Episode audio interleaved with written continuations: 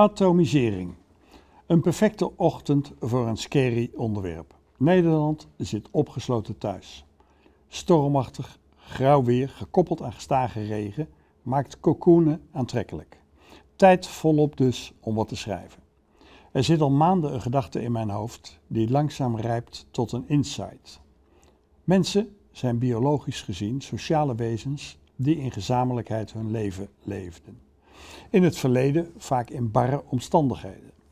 Juist die gezamenlijkheid stelde de soort in staat de wereld naar haar hand te zetten en bood warmte, genegenheid en onderlinge support. Maar op de een of andere manier staat dat gezamenlijke tegenwoordig steeds meer onder druk. Individualisme. De afgelopen decennia heeft het neoliberalisme de verzuilde samenleving verdreven en de, en de beschermende verzorgingsstaat beknot. Dominant is nu een leefwijze die uitgaat van de kracht en mogelijkheden van het individu. Dat begint al vroeg in het onderwijs, waar leerlingen vooral zelf moeten presteren en scoren. In pure vorm zien we dit in de Verenigde Staten. De moeder van mijn vroegere buurvrouw werkte nog als 80-plusser bij McDonald's, als noodzakelijke aanvulling op haar pensioen.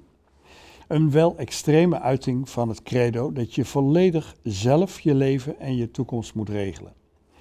Ook in ons bestaan is dit stuk permanente onzekerheid ingedaald. Gekoppeld aan de ZZP-samenleving leidt dat tot een ongoing survival of the fittest. Opkomen voor je persoonlijke rechten. Hyperindividualisering. Sommigen gedijen daar uitstekend in, velen niet. Zij missen zorg voor elkaar. Er is veel over geschreven. COVID heeft ons geconfronteerd met het nieuwe nu. We houden afstand, gaan in quarantaine en we, witte boorden, werken zoveel mogelijk thuis. Heb je geluk, dan heb je ruimte, groen en een wat bredere familie. Ben je starter op een zolderkamer, dan heb je pech. Nu alle beperkingen opgeheven worden, lijkt deze reflex stevig verankerd in ons DNA. Het nieuwe normaal zou wel eens heel afstandelijk kunnen zijn. Veilig opgeborgen in de eigen kokon geeft nu eenmaal de minste risico's en de meeste controle. Ook het verenigingsleven en het kleinschalige staan onder druk. Na twee jaar afstand houden, online vergaderen en opereren zonder toegestane kernactiviteiten zijn veel organisaties verdampt.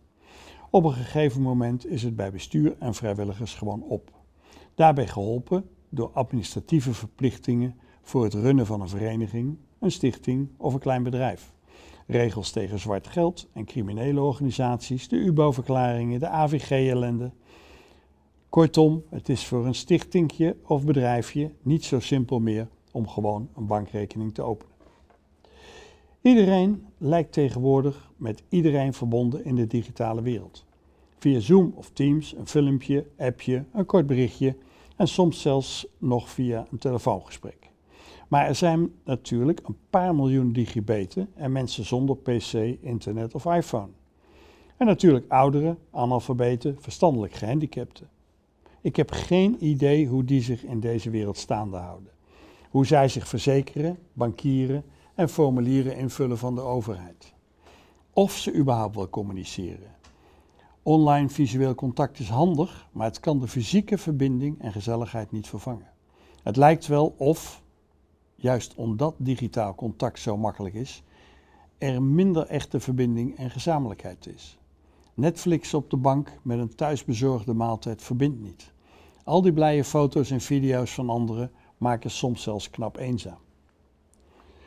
In de overigens beklemmende, verzeilde samenleving van de jaren 50-80 had je op basis van religie en politieke voorkeurssegmenten waar je automatisch toe behoorde.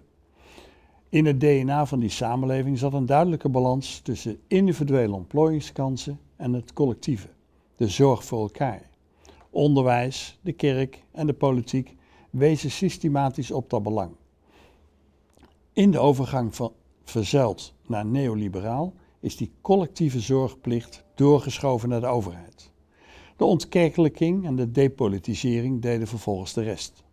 De overheid trok zich terug, het individu moest voortaan voor zichzelf zorgen en ging zijn recht opeisen. Corona, digitalisering en marktwerking drongen het individu verder terug in de kleinst mogelijke kokon, het gezin of de relatie. of in je uppie. In contrast met de hele wereld, maar toch alleen, met onzekerheid als vaste gezel. Als deeltjes in het universum zoekend naar maximale entropie. Tijd dus om in te zien dat we sociale dieren zijn op een bescheiden planeet, met als verbinding zorg voor elkaar.